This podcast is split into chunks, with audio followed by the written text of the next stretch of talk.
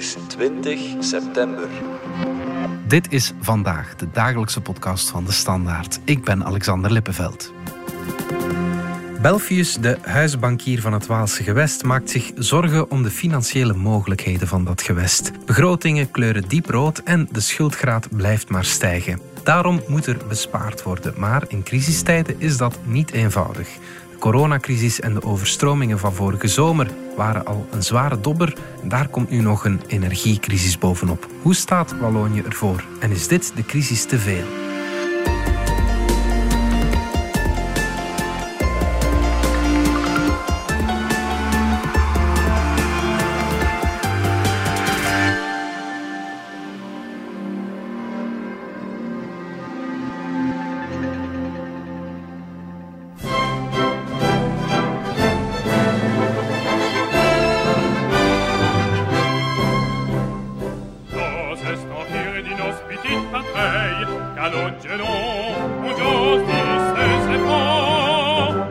Kent het misschien niet, maar dit is het uh, Waalse volkslied dat u nu hoort. Peter de Lobel van onze politieke redactie. We hebben op 11 juli onze Vlaamse feestdag.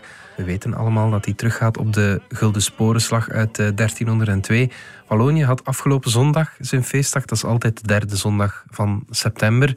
Hoe zit die traditie uh, daar? Van waar komt de Waalse feestdag? Daarvoor moeten we teruggaan naar 1830. Het ontstaan van België eigenlijk. Ja. En bij dat ontstaan van België op dat moment ja, het, het, het, Frans is overal de voertaal. Er is op dat moment nog geen nood, zeg maar, aan een soort van Waals bewustzijn. Jules de Stree, de man die het meest bekend is voor de brief die hij ooit aan de koning schreef, waarin hij zei, Sire, het wordt uit als ik u de verschrikkelijke waarheid vertel, dat is, er zijn geen Belgen. Mhm. Nu, Diezelfde de Stree die speelt later een hoofdrol in wat we nu kennen als, als die Waalse feesten. Hij komt op een gegeven moment namelijk aan het hoofd van de Assemblée Wallonne. Dat is eigenlijk een voorloper van het Waals parlement. Mhm. In 1912, dat is het jaar dat hij zijn brief geschreven heeft aan de koning. En in 1913 komen die vooraanstaande Walen in die assemblée ook bijeen. Mm En dat is het moment dat zij eigenlijk... Ja, zij voelen veel meer druk vanuit Vlaanderen. Veel meer druk op dat Frans. Dus België was eigenlijk voor hun een aangename thuis. Ze konden overal terecht met hun Frans. Ja. En, maar toch begon daar vanuit Vlaanderen meer die drang naar ja, maar dat Nederlands, Vlaams moet ook erkend worden. En in Wallonië werd daar nogal krampachtig op gereageerd. En vandaar dat men de nood voelde aan zelf ook dat wals zijn in de, in de verf kunnen zetten. Er was toen al sprake aan, aan Walse kant dan van de administratieve scheiding die men wilde. Bon, bref. Die Assemblée Wallonne komt op een gegeven moment met een aantal conclusies die zij in 1913 beslissen. Mhm. En eentje daarvan, artikel 3, is La fête nationale de la Wallonie se célébrera le dernier dimanche de septembre. Okay. Elle aura pour objet la commémoration des journées révolutionnaires de 1830. Alors, dus op die dag worden dan ook de Waalse strijders die mee voor die onafhankelijkheid of voor het ontstaan van België gezorgd hebben, worden op die manier gevierd en herdacht. En dat is eigenlijk de oorsprong van de Waalse feesten zoals die afgelopen weekend hebben plaatsgevonden in Wallonië. Oké, en hoe uh, verlopen die feestelijkheden? Is dat zoals de Vlaamse feestdag met een uh, oproep voor een nieuwe staatshervorming uh, traditioneel gebeurt? Enerzijds heb je natuurlijk de discours politiek die dat gehouden wordt. Dat is op zondag in Namen gebeurt dat, hè, de Waalse hoofdstad. Ja. En wat we daar dit jaar onder meer hoorden in die toespraken is toch iets wat eigenlijk al bijna een even grote traditie is als de Waalse feesten zelf. En dat is le redressement de la Wallonie, prendre son destin en main, dat soort dingen. En dat, dat hoor je wel elk jaar terugkomen. Dat Wallonië sterker moet worden op zichzelf. Ja, ja. ja. Nu tegelijkertijd, eh, die roepen zich optimistisch en zei van nee, maar wij hebben hier troeven in handen en wij hebben talent, we hebben bedrijven die willen vooruitgaan, we hebben start-ups die het gaan maken. Dus het stond dit jaar een beetje in contrast tot de energiecrisis die toch veel, eh, veel mensen voelen. Hè. Maar een ander belangrijk deel bij die Waalse feesten is natuurlijk ook Piquet. En ook die is er wel geweest in overvloed. Piquet, dat is Genever eigenlijk. Hè. Kleine, kleine shotjes uh, Genever. Als je op de dagen van die Waalse feesten in Namen komt, overal is het Piquet. Oké, zo is het Geneverseizoen ook uh, officieel uh, voilà, op gang getrapt. Goed, maar Ik zal toch maar even een domper op de feestvreugde zetten. Als we naar de Waalse begroting kijken, dan zien we vooral rode cijfers, hè Peter? Ja, maar Alexander, dat is omdat je niet goed genoeg kijkt. Want de Waalse regering herhaalt het al een aantal jaar. Nee, onze begroting zit perfect op pad. Mhm. Nu, perfect op pad en tegelijkertijd toch een tekort van 3 richting 4 miljard hebben. Hoe valt dat te rijmen? In 2019, toen de regering gevormd werd, is er een begrotingspad afgesproken. Mhm. In 2019 was er nog geen sprake van COVID. Wisten we niet dat er overstromingen gingen komen.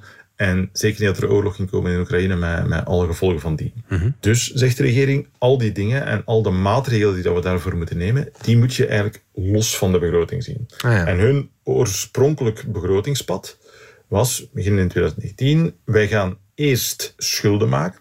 Dus we gaan eerst in het rood gaan. Dat was hun idee om dan hup, terug te stijgen. En richting 24 moest er een, een evenwicht komen. Mhm. Dat was het plan de maatregelen daarvoor en de plannen die zij toen gemaakt hadden, ze probeerden er zoveel mogelijk van te bewaren. En ze probeerden dus aan die oorspronkelijke lijn te blijven beantwoorden. Dus zij probeerden dat te blijven doen om dus de maatregelen te nemen, de uitgaven en besparingen die nodig zijn, om in 24 terug op die nul uit te komen. Maar ja, dat is dus volledig artificieel, omdat er daarbovenop al die andere maatregelen zijn die je moet nemen. Nu, daar zeggen zij, dat zijn geen zijn geen structurele maatregelen. Mm na, bij COVID moest je ingrijpen om nadien dan ook zo snel mogelijk terug wat economische relance te krijgen. Mhm.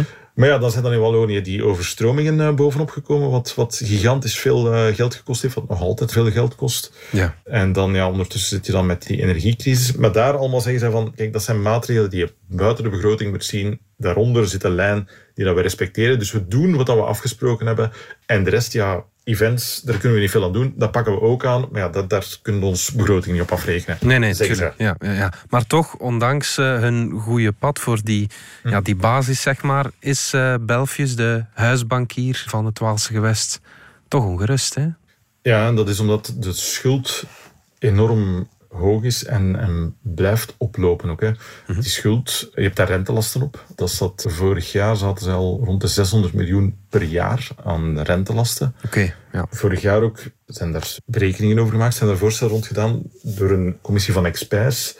En toen uit hun berekeningen bleek al van ja, die schuld, als je niet ingrijpt, dan gaat die richting 300 procent van je inkomsten van de 15 miljard die de Waalse regering normaal gezien uh, binnenkrijgt. Ja, als je dus naar een schuld van, zit nu rond de 30 miljard. Als je naar een schuld van 40 of 45 miljard gaat, dat is gigantisch. We spreken over 2030, maar dat is op den duur niet houdbaar. Zeker ook als die rentes nog gaan stijgen. Mhm. En daarom werd er vorig jaar al gezegd door die commissie van kijk, jullie moeten hier ingrijpen met structurele maatregelen. Mhm. Structurele maatregelen zijn de elk jaar moet er minstens 1%, dan spreken we over 150 miljoen euro, structureel bespaard worden. Dus iets wat er echt, dat is niet een, een one-shot van we gaan deze of geen investering meer doen. Nee, dat is echt ingrijpen op welke uitgaven je recurrent jaarlijks doet. Mhm. En zo moest er elk jaar 150 miljoen bijkomen. Okay. Dus het eerste jaar is dat dan een inspanning van 150 miljoen. Het tweede jaar gaat het dan eigenlijk over 300 miljoen. En zo verder. Ja, ja, ja. oké. Als dat zou gebeuren, en wat men dus echt probeert te doen, en wat nu ook zal moeten gebeuren bij die begrotingsopmaak, volgens die berekening van vorig jaar, kon je dan vanaf 24 die groei van die schuld afbuigen en kon er een daling uh, ingezet worden. Mhm. Nu, dat zijn cijfers van voor de energiecrisis, dus ook dat is, is allemaal opnieuw te bekijken.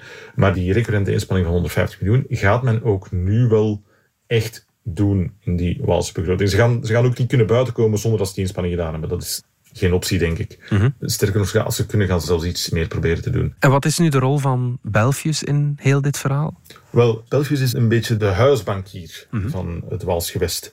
Dus dat betekent dat zij de lopende rekeningen van het West beheren en dat daar eigenlijk een kredietlijn van iets meer dan 3 miljard, 3,25 miljard eigenlijk ter beschikking staat. Okay. Nu, dat zijn ook contracten die op een gegeven moment aflopen en eind dit jaar loopt dit contract af. Dus dat wordt heronderhandeld. Die onderhandeling is al langer bezig. En in de zomer heeft Leswaar al een keer gemeld dat dat moeilijk liep. En vorige week kwam Lekke ook met het bericht van, van dat, dat gaat absoluut uh, niet goed. En dat was omdat dus België zich zorgen maakte. Mhm. Niet alleen over het bedrag aan zich, maar ook over de politieke toekomst. Okay. Dus uh, in 24 komen er verkiezingen aan. Mhm.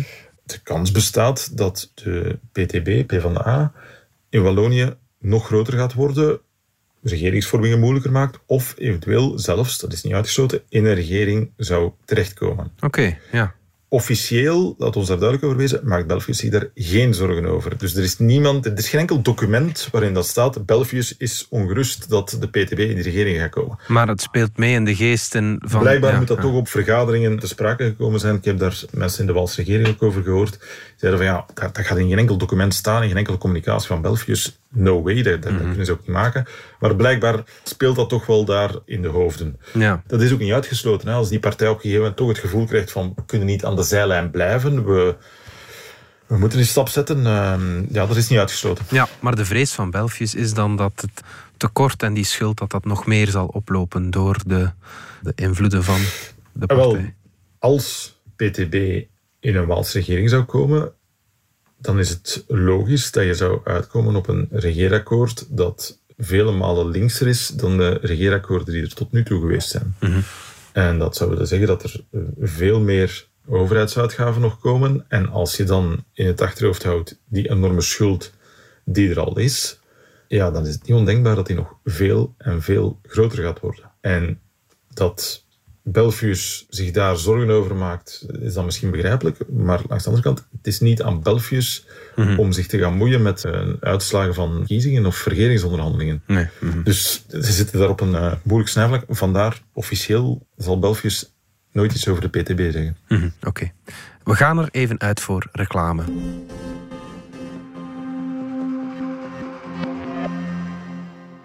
De dagelijkse routine kan je batterij doen leeglopen. Maar voel je dat? De energie die je krijgt van een intrigerende expo of een stormend concert. De Standaard opent het cultuurseizoen met accu en deelt 16 dagen lang gratis cultuurtickets uit voor de boeiendste cultuurhuizen. Laat jezelf op met de beste concerten, dans en theater, tentoonstellingen en nightlife van het moment. Krijg je gratis cultuurtickets nu in DS Nieuws, de nieuwsapp van de Standaard. Met de steun van de all Mazda CX-60, de eerste plug-in hybride van Mazda.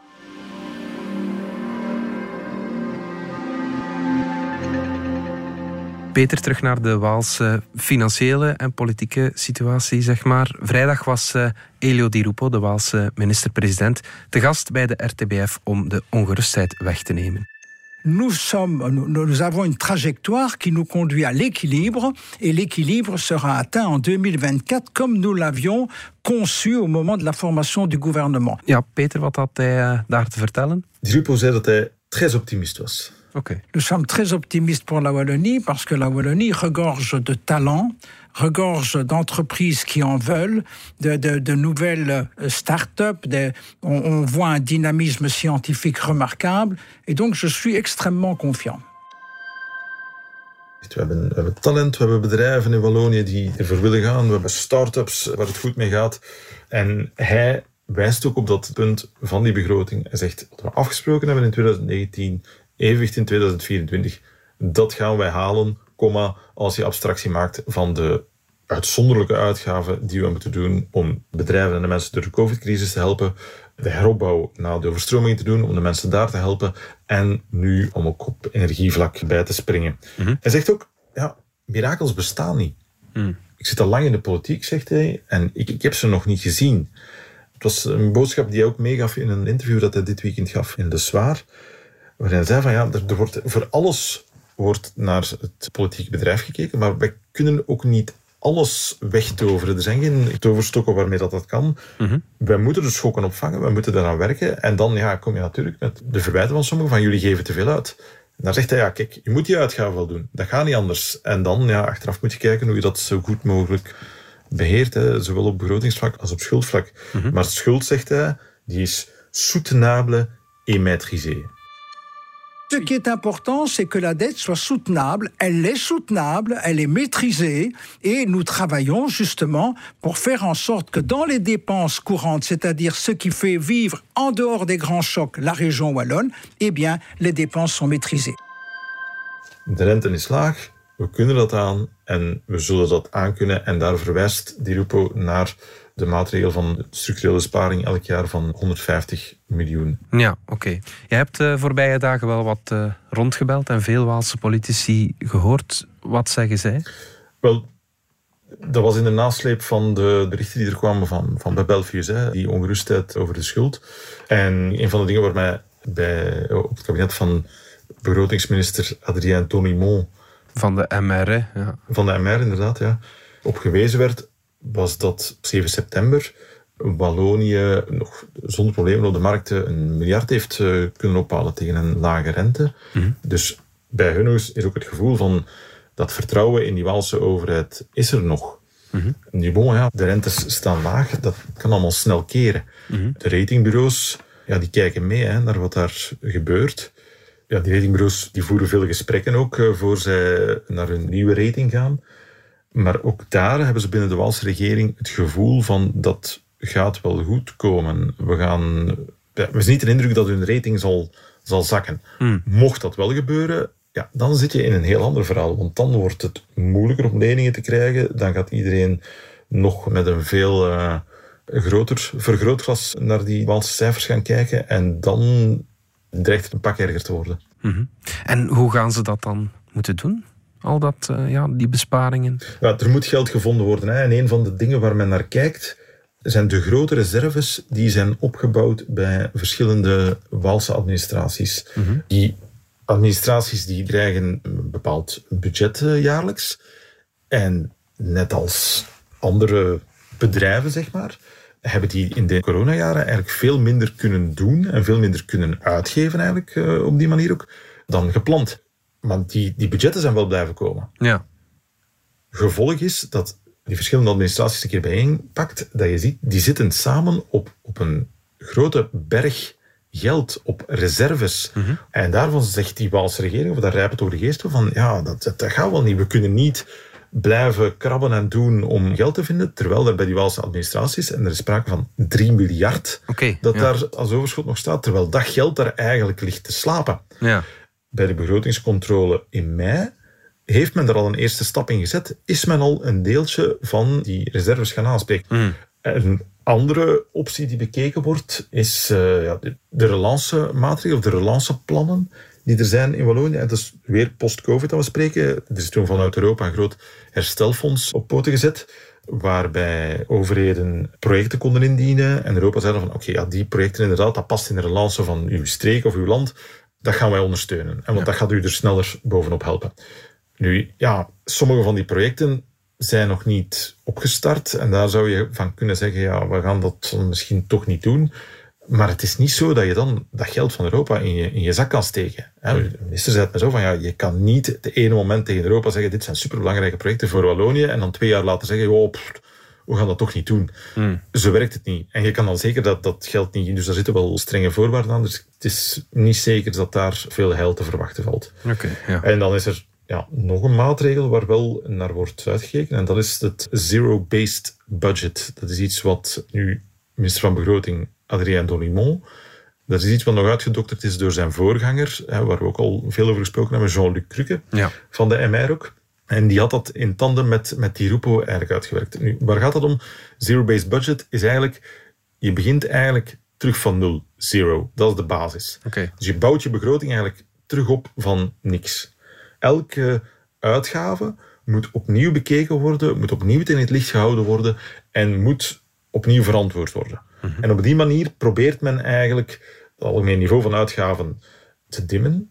En tegelijkertijd zegt men erbij, het is geen besparingsoperatie, die zero-based budget, want wat we daar besparen, tussen haakjes, investeren we onmiddellijk opnieuw in de nieuwe projecten of de verbetering of de... Het is eerder een efficiëntieoefening of en, zoiets. En, ja, Zo kan je het beter omschrijven, een grote efficiëntieoefening. Ja, grote plannen vind ik wel wat betreft die Waalse begroting dan. Dat is toch allemaal heel ambitieus, hè? Ja, het is heel ambitieus, maar de uitdagingen zijn ook gigantisch groot. Hè? Het is gewoon zo, die schuld is daar, die is enorm, daar moet je iets mee doen. Dat plan om jaarlijks 150 miljoen te besparen, ja, experts zeggen daar nu al van, ja, dat is goed, maar dat gaat niet genoeg zijn. Mhm. Je moet meer doen dan 150 miljoen per jaar, want dat is afgesproken in 2021. Mhm. Dat plan is naar buiten gekomen in november 21. Dus ondertussen is daar die oorlog in Oekraïne, die energiecrisis die ja, elke verbeelding tart. Mhm. Ja, dan kan je eigenlijk niet meer afkomen met de, de, maatregelen van in 2021 die je toen bedacht hebt. Dus dat moet meer zijn. En daar horen we ook van. Maar dat is, dat is af te wachten. Begin oktober gaat die begroting er zijn. Dat men uh, toch meer zal willen doen dan die 150 miljoen. Dat men, ja, dat dat het, het absolute minimum is om structureel te besparen. Peter, we hadden het al over die energiecrisis. We kijken vooral naar de federale regering om daar maatregelen rond te, te nemen. Vlaanderen doet dat natuurlijk ook. Doet Wallonië dat ook? Of is dit uh, ja, de crisis te veel, zeg maar? Vorige week is de Walse regering met een pakket maatregelen gekomen. Nu, die maatregelen, veel daarvan waren eigenlijk al beslist op voorhand. Sommige worden verlengd. Dat is bijvoorbeeld het eh, sociaal tarief dat is federaal. In Wallonië wordt daar nog net iets bovenop gelegd, waardoor dan meer mensen daarvan kunnen gebruik maken. Okay. Maar bijvoorbeeld voor de bedrijven is het op dit moment nogal, nogal mager. Mhm. En inderdaad, een terechte vraag. Hè. Is het de crisis te veel? Wat, wat kan er nog? Je hebt COVID gehad, dan heb je die overstromingen gehad, waar begroot was van, kijk, het gaat zoveel kosten. Ondertussen blijkt toch dat die ramingen ja, toch een onderschatting waren. Dus Mm. op dit moment, die Rupo zelf is nog in onderhandelingen met de verzekeraars voor nog eens 400 miljoen die hij toch niet alleen zoekt op te hoesten met, eh, met de Waalse regering, waar dus toch weer de, de verzekeraars nog in wil betrekken. Maar het is nog niet afgerond en de volgende crisis is ondertussen al volop bezig. Ja.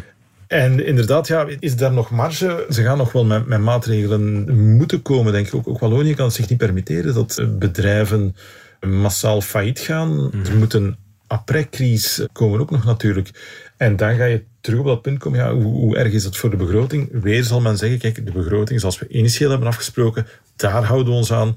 En dit, die crisis, dat is extra, dat is er bovenop. Dat moeten we ook doen, maar dat, ja, zij maken dat artificiële onderscheid tussen die begroting en die crisismaatregelen. Mm -hmm, Oké, okay, goed.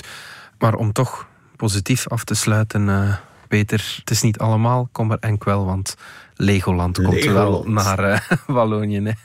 ja, ja, dat is natuurlijk nog niet morgen dat die komen, nee. maar en ook daar, de centen spelen daar nog een rol. Dus het is nog niet zeker, zeker, zeker nee. dat zij komen. Ja. Maar je hebt toch onder de Lego-enthousiastelingen wereldwijd, was dat groot nieuws. Er komt een nieuw park bij in België. Ja. En dat zou dan inderdaad komen in de buurt van Charleroi, in Gosselies. Er zijn een aantal voordelen aan echt voor die, die Waalse economie. Eén, het gaat om een duizendtal jobs van in het begin, wat nog zou kunnen groeien. Mhm. Het gaat ook om veel jobs voor laaggescholden, wat ook niet slecht is daar in de streek.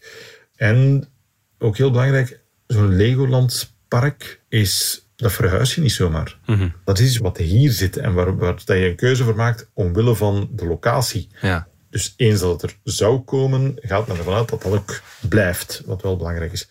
Een elementje dat ook belangrijk is, is dat een interessant element in de, in de mix kan zijn, zijn de toerisme. Mm. Men heeft daar op dit moment geen toeristische trekpleisters daar in de buurt. En daar hoopt men van dat niet alleen vanuit heel België Lego-liefhebbers naar Ginder zullen komen, maar dat die ook uit Noord-Frankrijk, uit Nederland en bijvoorbeeld ook uit, uit Duitsland zouden komen. Mm. En de hoop is dan natuurlijk, bon, valt allemaal nog te bezien, dat men dan enkele dagen in Wallonië zal blijven en dan ook naar Namen zal gaan, naar de Telefriek, om dan naar de Citadel te gaan en zo. Dus het kan niet op als die Rupo zegt van ja, kijk, we blijven nog voor investeerders aantrekkelijk. Dat soort ja, aankondigingen dat zet zijn onderstreept verhaalkracht bij, ja, ja, absoluut. Goed, Peter de Lobel, dankjewel. Graag gedaan. Dit was vandaag de dagelijkse podcast van De Standaard. Bedankt voor het luisteren. Volg ons op Spotify, Apple Podcast of eender welk ander podcastplatform. In onze gratis FDS podcast kan je niet alleen ons werk beluisteren, maar ook de beste podcasttips terugvinden met zorg geselecteerd door onze redacteur Max de Moor. Alle credits van de podcast die je net hoorde vind je op standaard.be-podcast. Reageren kan via podcast.standaard.be. Morgen zijn we opnieuw.